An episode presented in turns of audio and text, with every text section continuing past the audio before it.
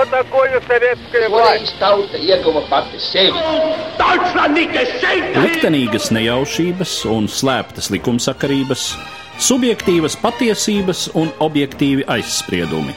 Pēc atkušņa nekad nenāk uzreiz pavasars, bet sākās Arī šodien cilvēki ir ļoti tuvredzīgi. Viņi redz to naudu, kas ir. Televīzijā jau pamatā notiek cīņa par varu. Pagātne no šodienas skatu punkta un šodienas caur pagātnes prizmu. Raidījumā šīs dienas acīm. Latvijas radio eterā Eduards Liniņš. Labdien, cienījamie klausītāji!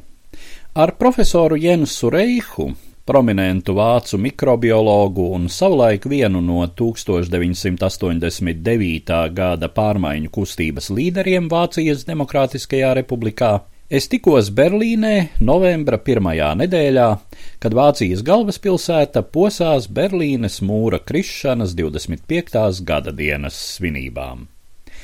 Mūsu apmēram pusotru stundu ilgās sarunas pirmā daļa izskanēja ēterā pagājušo trešdienu, 26. novembrī. Tajā profesors Reichs stāstīja par to, kā pagājušā gadsimta 60. gados no draugu grupas, kuri kopīgi pavadīja brīvdienas un audzināja bērnus, izveidojās tā dēvētais piekdienu pulciņš, dažādu profesiju ļaužu kopa, kuri lasīja un apsprieda no rietumiem nelegāli ievestu literatūru, kritizēja totalitāro režīmu un sprieda par iespējamām pārmaiņām. Pamazām pulciņam radās sakari ar līdzīgi domājošajiem citās padomju bloka valstīs.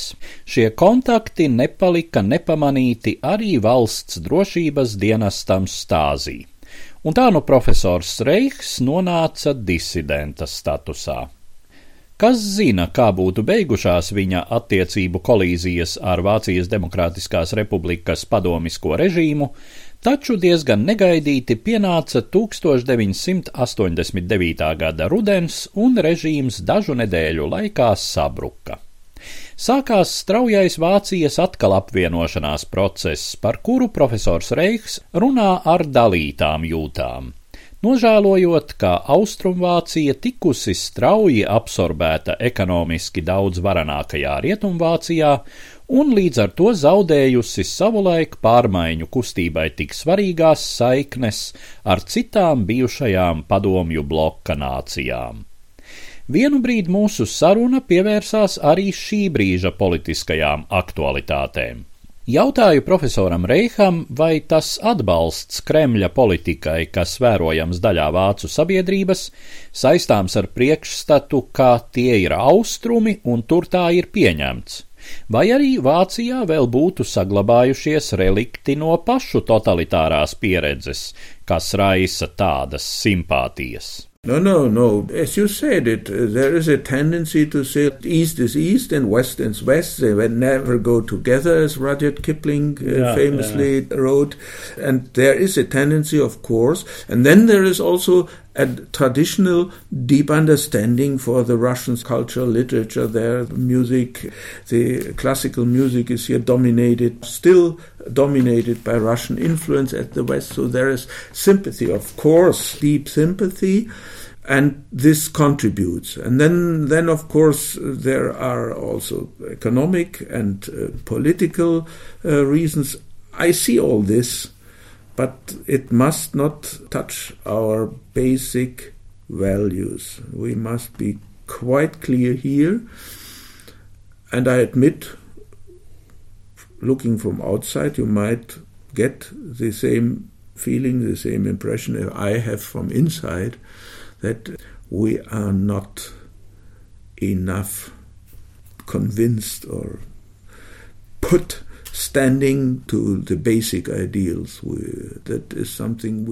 Nē, nē, kā jūs teicāt, viņi domā, austrumi ir austrumi un rietumi ir rietumi, nekad tiem nesastapties, kā savulaik pauda Redjards Kiplings. Tāda tendence, protams, pastāv, un tad vēl ir tradicionāli dziļā izpratne par krievu kultūru, literatūru, mūziku. Rietumu klasiskā mūzika joprojām pastāv krievu mūzikas ietekmē. Tas viss, protams, rada dziļas simpātijas, kas dod savu pienesumu.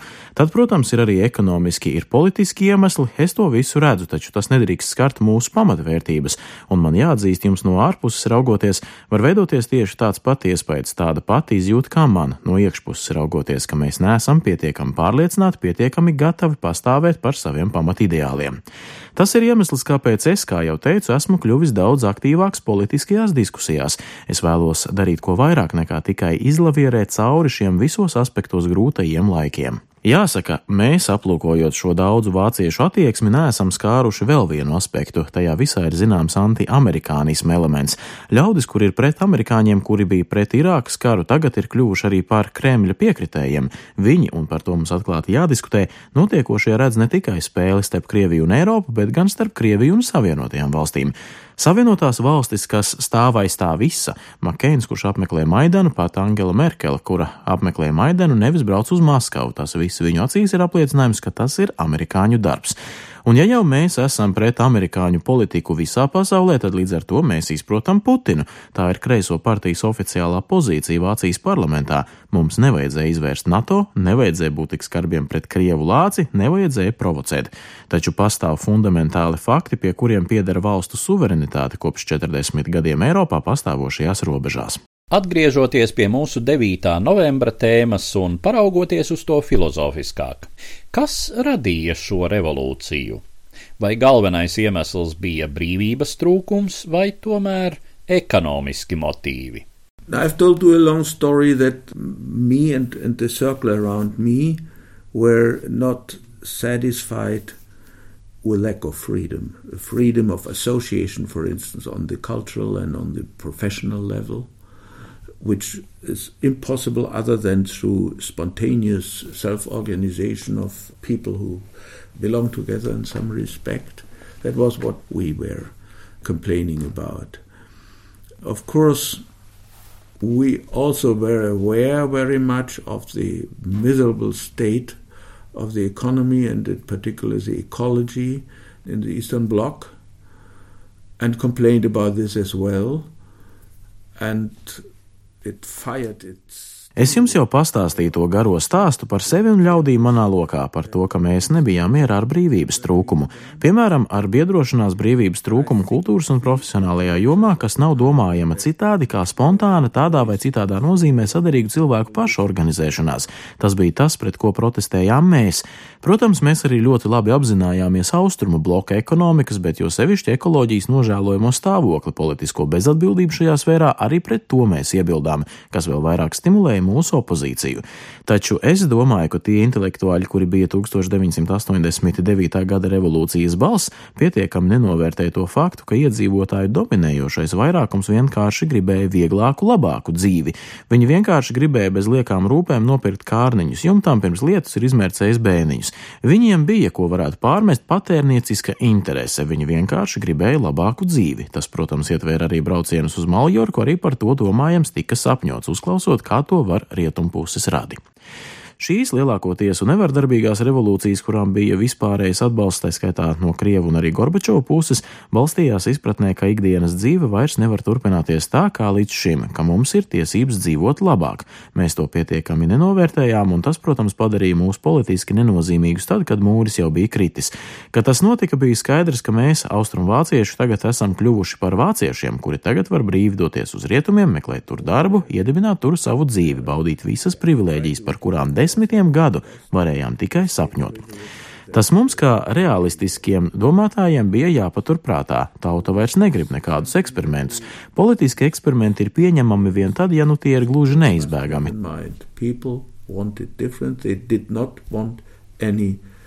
Experiment any longer. Experiments, political experiments, only when unavoidable But the other Eastern European countries went through a different fate from 90. They had no big brother they could join with. They tried a bit. Think of Adamkus as president of Lithuania. This was some sort of uncle who, as a millionaire, should uh, come back. It became clear that these were illusions, that they had to tidy up their countries themselves. And all these countries had a very difficult economic time, difficult life after 90, and were upheld only by the feeling, by the conviction that they have, as a nation, to tidy up themselves and to roll up sleeves and work Citām Austrumēropas valstīm 90. gadu sākumā bija citāds liktenis. Tām nebija lielā brāļa, ar kuru apvienoties.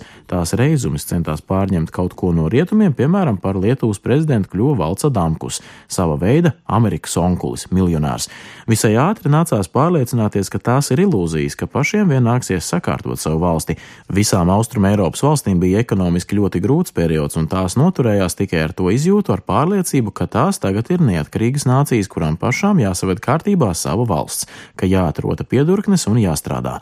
Austrumvācijā tas bija krietni citādi. Te visu sakārtoja viņi. Viņi ieradās un teju katrā daudz maz nozīmīgā amatā izrādījās kāds, kurā jūs pēc runas intonācijas varējāt atpazīt rietumvācieti.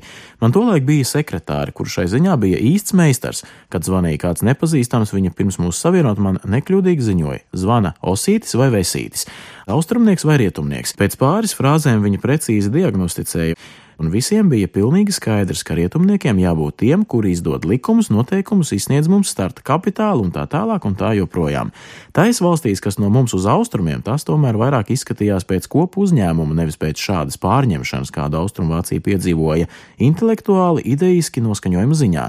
Polijai, piemēram, bija ekonomiski ļoti grūts periods, kad šķita, ka tā netiks galā, taču viņiem bija jātiek galā pašiem, jāizcīnās pašu valsts iekšienē ar visiem tiem neokomunistiem, vecajiem nomenklatūristiem un kas jau nu vēl tur bija. Tas bija viņu bizness. Bet austrumvāciešiem nē, tas arī nosaka jūsu piesaukto izjūtu, ka mēs esam strauji nozuduši rietumu virzienā, un manu vilšanos pastiprina apziņa, ka ir zudusi šī centrāla austruma Eiropas vienība. Tā ir zudusi arī tiem, kuriem nebija ar ko apvienoties rietumos. Čehoslovākija apvienošanās apvienošanās vietā sadalījās, Baltijas valstis neizveidoja kādu ciešāku kopību, neapvienojās arī, teiksim, ar Poliju. So it's an interesting development, and I only can hope that this will be overcome. We will have more serious problems in future than these past, well, uh, misdevelopments that we have been. That's my conviction.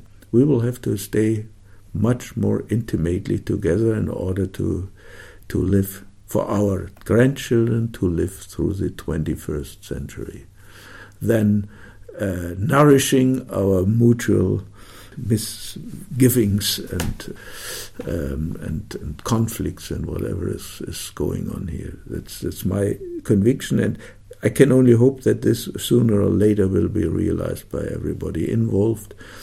And so you hear me as in confessing European now. I feel that Europe as a culture, as a common culture for 1,000 or 1,500, I don't know how many years, uh, can survive only in the times that come, only by standing together, going together,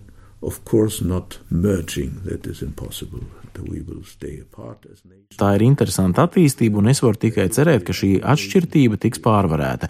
Nākotnē mūs gaida nopietnākas problēmas nekā līdzinējās attīstības kļūmes. Man pārliecība ir tāda, ka mums būs jāturas daudz ciešāk kopā, lai mūsu mazbērni spētu izdzīvot 21. gadsimtā. Mēs nedrīkstam uzkurināt kādas savstarpējas šaubas vai konfliktus. Tā ir mana pārliecība, un es ceru, ka to agrāk vai vēlāk apzināsies arī citi. Šobrīd jūs manā personā uzklausāt Eiropieša atzīšanos. Es uzskatu, ka Eiropa, kā nu jau tūkstoti, pusotru tūkstoti vai vēl vairāk gadus sena vienota kultūra nākotnē var izdzīvot tikai tad, ja turēsies kopā, virzīsies kopīgi, gan, protams, nesaplūstot. Kā nācijas mēs joprojām paliksim atšķirīgas, taču katrā nācijā jābūt izglītotu ļaužu slānim, kurš uztur saiknes, un valstīm ir jādara viss, lai šo vienotību darītu pieņemamu vai pat vēlamu visiem iedzīvotājiem, pat tad, ja viņi līdz šim nav bijuši diez cik entuziastiski vienotās Eiropas idejas atbalstītāji. Runājot par konkrētākiem riskiem, vai jums šķiet iespējama kādas valsts izkrišana no Eiropas Savienības? Piemēram, vai Ungāriju tās neototalitārā, neoautoritārā tiecība nevar novest pie izstāšanās? Vai varbūt Krievijai var izdoties sašķelt Eiropu? Yeah, a possibility it is, of course. One must see it as a possible uh, development, but I, I, I would not like to accept this. I don't really believe uh, with Hungary. And they must sooner or later realize if they would do what you are uh, envisioning, going out of, of uh, the European Union to some extent. Iespēja pastāv tā, jāpaturprātā. Es gan negribētu ko tādu pieņemt par Ungāriju, es neticu. Viņiem agrāk vai vēlāk jāsaprot, ka tāda rīcība, kādu jūs iezīmējāt, saišu saraušana ar Eiropas Savienību, ar Briseli, novedīs viņus pie 19. gadsimta Balkānu valsts situācijas. Viņi nevar izdzīvot vieni, gluži ekonomiski šādai valstī tas nav iespējams, to var precīzi pierādīt. Es domāju, viņiem nāksies pārdomāt savu pašreizējo rīcību. Protams, aktīvāks politisks spiediens ir problemātisks, jo tas var izraisīt pretēju reakciju, tomēr mums pārējiem skaidri jāsaprot, šāda attīstība nav pieņemama, ka tā ir jāmaina, ka tā veicina politiskus konfliktus. Tad nu es ceru, ka arī citās valstīs, kā Polijā, arī Baltijas valstīs, kur mums ir šādas autokrātiskas vai anti-eiropeiskas tendences, turpmākie vēlēšanu rezultāti rādīs cilvēku sapratni par to, ka tas neko labu nenes un liks pārdomāt pirms nopietni izolēties no Eiropas valsts. Tas cita starpā attiecas arī uz Lielbritāniju, kura gan ir krietni lielāka vienība nekā piesauktās valstis, taču arī nespētu dzīvot savā cēlā vientulībā. Viņiem nāksies panākt kompromisus, cenšoties kļūt neatkarīgākiem vai panākt citus noteikumus Briselē. Protams, gandrīz katram ir neapmierinātība ar Briseles darbību, lai gan es neteiktu, ka tā ir simtprocentīgi pamatota. Ikvienam, kurš ir anti-briseliskās pozīcijās, vajadzētu rūpīgāk iepazīties ar attiecīgajiem jautājumiem, vairāk palasīt un uzklausīt paskaidrojumus. Es neesmu populistisks antibriselists, lai gan savā profesionālajā darbībā es esmu pārliecinājies, ka tas ir viens birokrātisks superagregāts, kuram cauri izsisties ir grūti pat man kā vācietim. Domāju, latviešiem tas ir vēl grūtāk. Grūti ir iemācīties to Briseles valodu, kurā ir jāizprasa mērķdotācijas. Tā angļu valoda tas ir tāds kā Vatikāna slepenais kods, īpaša valoda, kas tev ir jāapgūst. Mums institūtā bija īpaši cilvēki, kuru vienīgais pienākums bija noformēt dotāciju pieprasījumus tā, lai tie tūdaļ netiktu atraidīti. Protams, ka ne viss Briselē notiek optimāli, bet no otras puses viņi ir daudz paveikuši, lai saturētu mūs visus kopā. Tas attiecas arī uz eiro. Es domāju, eiro ir mūs nozīmīgi tuvinājis, un tam būs saistoša ietekme. Tiklīdz kāds sāks īstenot šīs Eiropas struktūru noārdīšanas idejas, viņš tūdaļ sajutīs ļoti augstu vēju. Vēl par 9. novembri. Kādas ir jūsu personiskās atmiņas par šo dienu? I was in Berlin and I was together with my family in all our leisure time active uh, in New Forum movement. To the extent that we did not go to West Berlin even uh, after November uh, 9 evening, but rather to a conference. We went to West Berlin, we visited West Berlin only, only. Es biju Berlīnē un uzturējos te kopā ar ģimeni, un visu savu brīvo laiku mēs veltījām darbam jaunā fóruma kustībā. Bijām tik aizņemti, ka pat pēc 9. novembra vakara tūdaļ neapmeklējām Rietumberlīni. Tā vietā organizējām VDR vispār nacionālo jaunā fóruma konferenci, kam bija jānotiek tai nedēļas nogalē. Tikai šķiet nākamajā nedēļā mēs apmeklējām rietumu pusi. Man nebija nekādas steigas, biju studējis Rietumberlīnē 50. gados un zināju, kā tur izskatās. Es nesteidzos, šķita svarīgāk gādāt, lai viss to brīdi iesāktais arī tētu gludi. Protams, jaunais fórums un citas pilsoniskās kustības drīz pēc 9. novembra zaudēja savu ietekmi. Mēs bijām pirmie, kas lauzāmies šais durvīs, un, nu, kad tās bija vaļā, tie citi aizdrāzās mums pāri.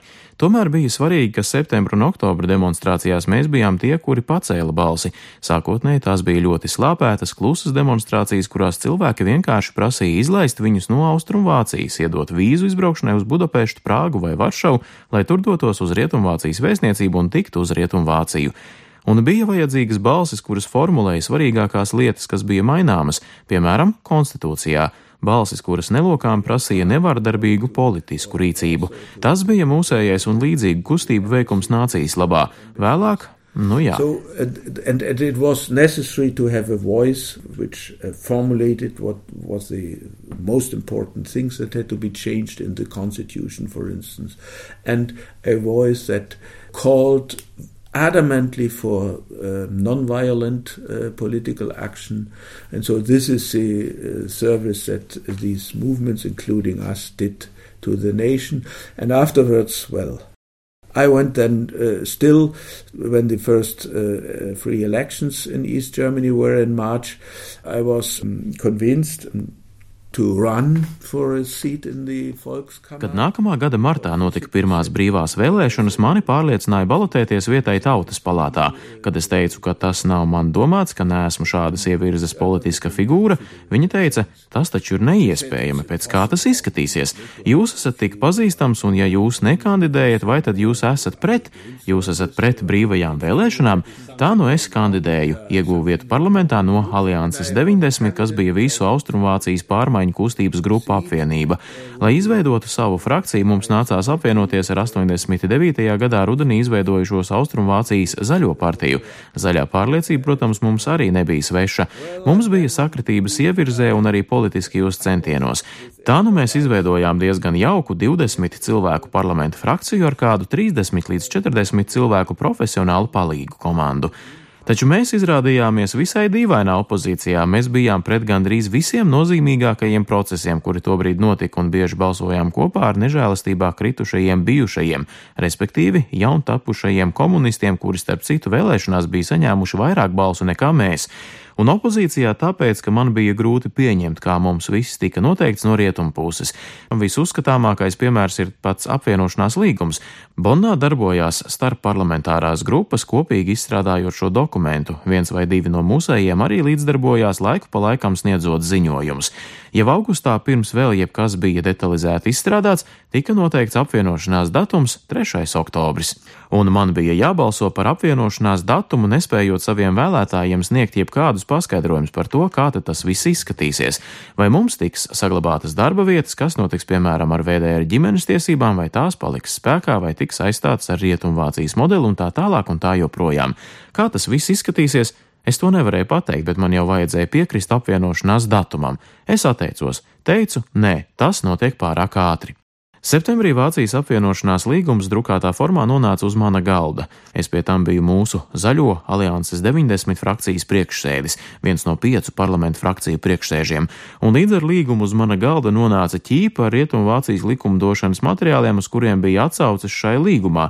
Tur nu es sēdēju, un man bija dotas pāris nedēļas laika, lai tiktu ar to galā pie kam tās bija pilnīgi trakas nedēļas, jo visur notika demonstrācijas, risinājās visi notikumi ap štāziju un tā tālāk. Man nebija ne minūtes brīva laika, no sava pamatdarba es jau biju aizgājis, to pusgadu biju tikai parlamenta deputāts. Man nebija vairāk laika kā vien ļoti pavirši pārskatīt to visu, un es atteicos balsot par Es pateicu, nē, es nevaru uzņemties atbildību par kaut ko, ko neesmu izlasījis pat lielās līnijās, un man nav arī laika to izdarīt pa pusmēnesi, kas atlīdz līdz apvienošanās dienai. Un, kad bija jābalso par Vācijas apvienošanās līgumu, es balsoju pret kopā ar bijušajiem zēniem un meitenēm no Demokrātiskās sociālismu partijas, kā viņi toreiz dēvējās, savāda situācija. Es taču vienmēr biju apvienošanās piekritējis, visu savu mūžu biju ar nožēlu domājis par 1961. gada 13. augustu robežas slēgšanu, negatīvāko notikumu savā dzīvē, un tagad es teicu nē. Bet, protams, mūs pārbalsoja, tas bija nenovēršami, nekas cits nebija domājams. 75% balsu bija par visu politisko apvienošanos, vienotu valūtu un apvienošanās līgumu kopumā. Austrumvācijas Zinātņu akadēmija tika likvidēta bez mazākās iebildes, tā ka apvienošanās procesam noslēdzoties es biju kļuvis bezdarbnieks. Tas viss bija ļoti apšaubāmi. Kad 3. oktobrī dārdēja salūts un ļaudis līksmoja un apskāvās un priecājās par gaišo nākotni, ar vienu savas sirds pusi bijām kopā ar viņiem, kamēr otru kremta tas, kā tas viss tika darīts un kas no tā visa galu galā iznāks. Rezumējot, es varu teikt, iznākums ir visnotaļ pieņemams. Viss jau ir kārtībā, man jāteic, mums bija ilūzijas. Mēs tiecāmies pēc iespējami fundamentālas demokrātijas, pēc iespējami plašas pilsoņu iesaistas aktuālajā darbībā. Tās bija ilūzijas, kuras mēs lolojām, sapņojot par savu centrālu austrumu Eiropas jauno kontinentu. Tagad mēs te esam kopā, visi esam kopā un mums jāpaliek kopā, un tas ir ļoti, ļoti svarīgi. Mums jāpaliek kopā. That dissolved the Academy of Sciences without any uh, further ado. So, so I was jobless uh, when when coming out of the unification. So it was very dubious. On 3rd October, the the fireworks were working, and people were happy and uh, embracing each other. And now we go forward, and all these things. This was one side of our heart, and then we had the other side, how it was done and hopefully, how will it come out? And to summarize, I must say it has come out tolerably well. Uh, and uh, it's okay, it's now okay. And uh, we had illusions, I, I might say. People with with a leaning for more basic democracy and for a, with a leaning of a more well participation of the citizens in, in the dealings of the state. These were the illusions that we had when we dreamed about uh, of Middle Eastern Europe as a new continent. Now we are here together, all of us are together, and we should stay together. And it is very, very important to do this, to stay together. And I hope the young generation will simply will fulfill this task. Again, with a bit doubtful, uh, dubious Im, uh, um, impression, because all Es ceru, ka jaunākā paudze tiks galā ar šo uzdevumu, atkal jau ar nedaudz šaubīgu noskaņu, jo 2000. gadā visi mani bērni bija projām, divi Savienotajās valstīs, viens Nigērijā. Aizbraukuši ar visām ģimenēm ar mazbērniem, un es toreiz drusku bažījos, ka mazbērni runās tikai svešās valodās, ka mēs viņus vairs lāgā nesapratīsim un arī vairs lāgā nesastapsim. Tas, protams, bija mūsu 80. gadu centienu rezultāts, taču nu stāvoklis ir drusku labojies. Viens mans dēls gan joprojām dzīvo Amerikā, Bostonā. Es nedomāju, ka viņš jebkad atgriezīsies. Viņš tur ir nodibinājis ģimeni, bērni jau ir pusauģi, īsti ķeņķi, vāciski runā pavisam vāji. Tad no šiem mazbērniem mums ir ļoti jaukas, pieklājīgas attiecības. Mēs viņus, protams, mīlam, bet kultūrālā nozīmē es vienkārši nesaprotu, ko viņi runā savā starpā. Bet mana meita ir atpakaļ Berlīnē, viņu ģimenē ir četri bērni, arī otrs dēls plāno atgriezties no Nigērijas, viņam ir divi bērni, tā kā drīz mums te būs vēl kuplāks mazbērnu pulciņš. Bet, kad toreiz tas būrītis atvērās, tad gan viņi visi no šejienes pazuda. Es domāju, jūsu valsts ir piedzīvojusi līdzīgu procesu. Ļoti līdzīgu, tikai ar daudz mazākām cerībām uz aizbraukušo atgriešanos. Yeah, that is a problem in East Germany as well now. Our young guys and uh, girls tend to yeah to go wherever they are interested in west the west of germany or farther. This mezzogiorno fear that we have uh, in in after the wall came open and in the in not during 90 well east germany is not mezzogiorno of course but that the young generation, the brightest among them, tends to go away and not return, is something that I am struggling to cope with. I, I hope that it will nevertheless be possible to maintain a decent state, even if less blossoming than, than the West, decent state of, well, of East Albion, East German culture here in the long run. Poland is blossoming. The Western Poland Jā, un Austrumvācijā ir tieši tāda pati problēma. Mūsu jaunākā paudze tiecas aizbraukt uz Rietumvāciju vai vēl tālāk. Tā ir tāda mezzogiorno, nabadzīgo dienvidu izjūta, kas te iestājās pēc mūra krišanas. Jaunākā paudze, sevišķi tie ar gaišākajām galvām, ir tendēta aizbraukt uz neatgriešanos. Tas ir kas tāds, ar ko es pūlos sadzīvot. Es ceru, ka šeit tomēr izdosies saglabāt vairāk vai mazāk pieklājīgu situāciju, pat ja ne tik plaukstošu kā rietumos pieklājīgu austrumvācu, Elbas vācu kultūras situāciju. Polija uzplaukst un rietumpolijā stāvoklis ir daudz labāks nekā austrumvācu apgabalos šaipu sodarai. Ir cerība, ka viņi turpinās viest dzīvību. Kas attiecas uz Baltijas valstīm, tad man varbūt nav pietiekamas pieredzes, bet es tikai varu teikt, man ir labi iespaidi, ļoti, ļoti daudz labu iespaidu. Protams, tas var būt vienpusīgi, es varu daudz ko nepamanīt. Ļaudis gan man stāsta arī par problēmām, taču Rīga izskatās gados jauna pilsēta. Protams, laukos jums ir vairāk problēmu, bet atgriežoties pie tā, ko mēs jau apspriedām, šī palikšana kopā kultūrāli vienotā Eiropā var atgriezt kaut ko no tiem laikiem, kad mēs bijām vienoti tai ziņā, ka mūsu centrāla Eiropas līdzinumi izskatījās tik interesanti līdzīgi un tajā pat laikā atšķirīgi. Tas varētu izdoties.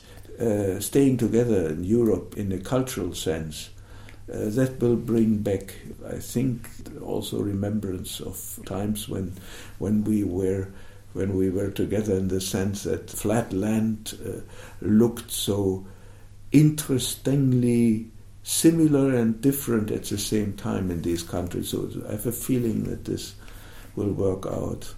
Ar to arī noslēdzās mana saruna ar vācu mikrobiologu un 1989. gada pārmaiņu kustības līderi profesoru Jensu Reihu.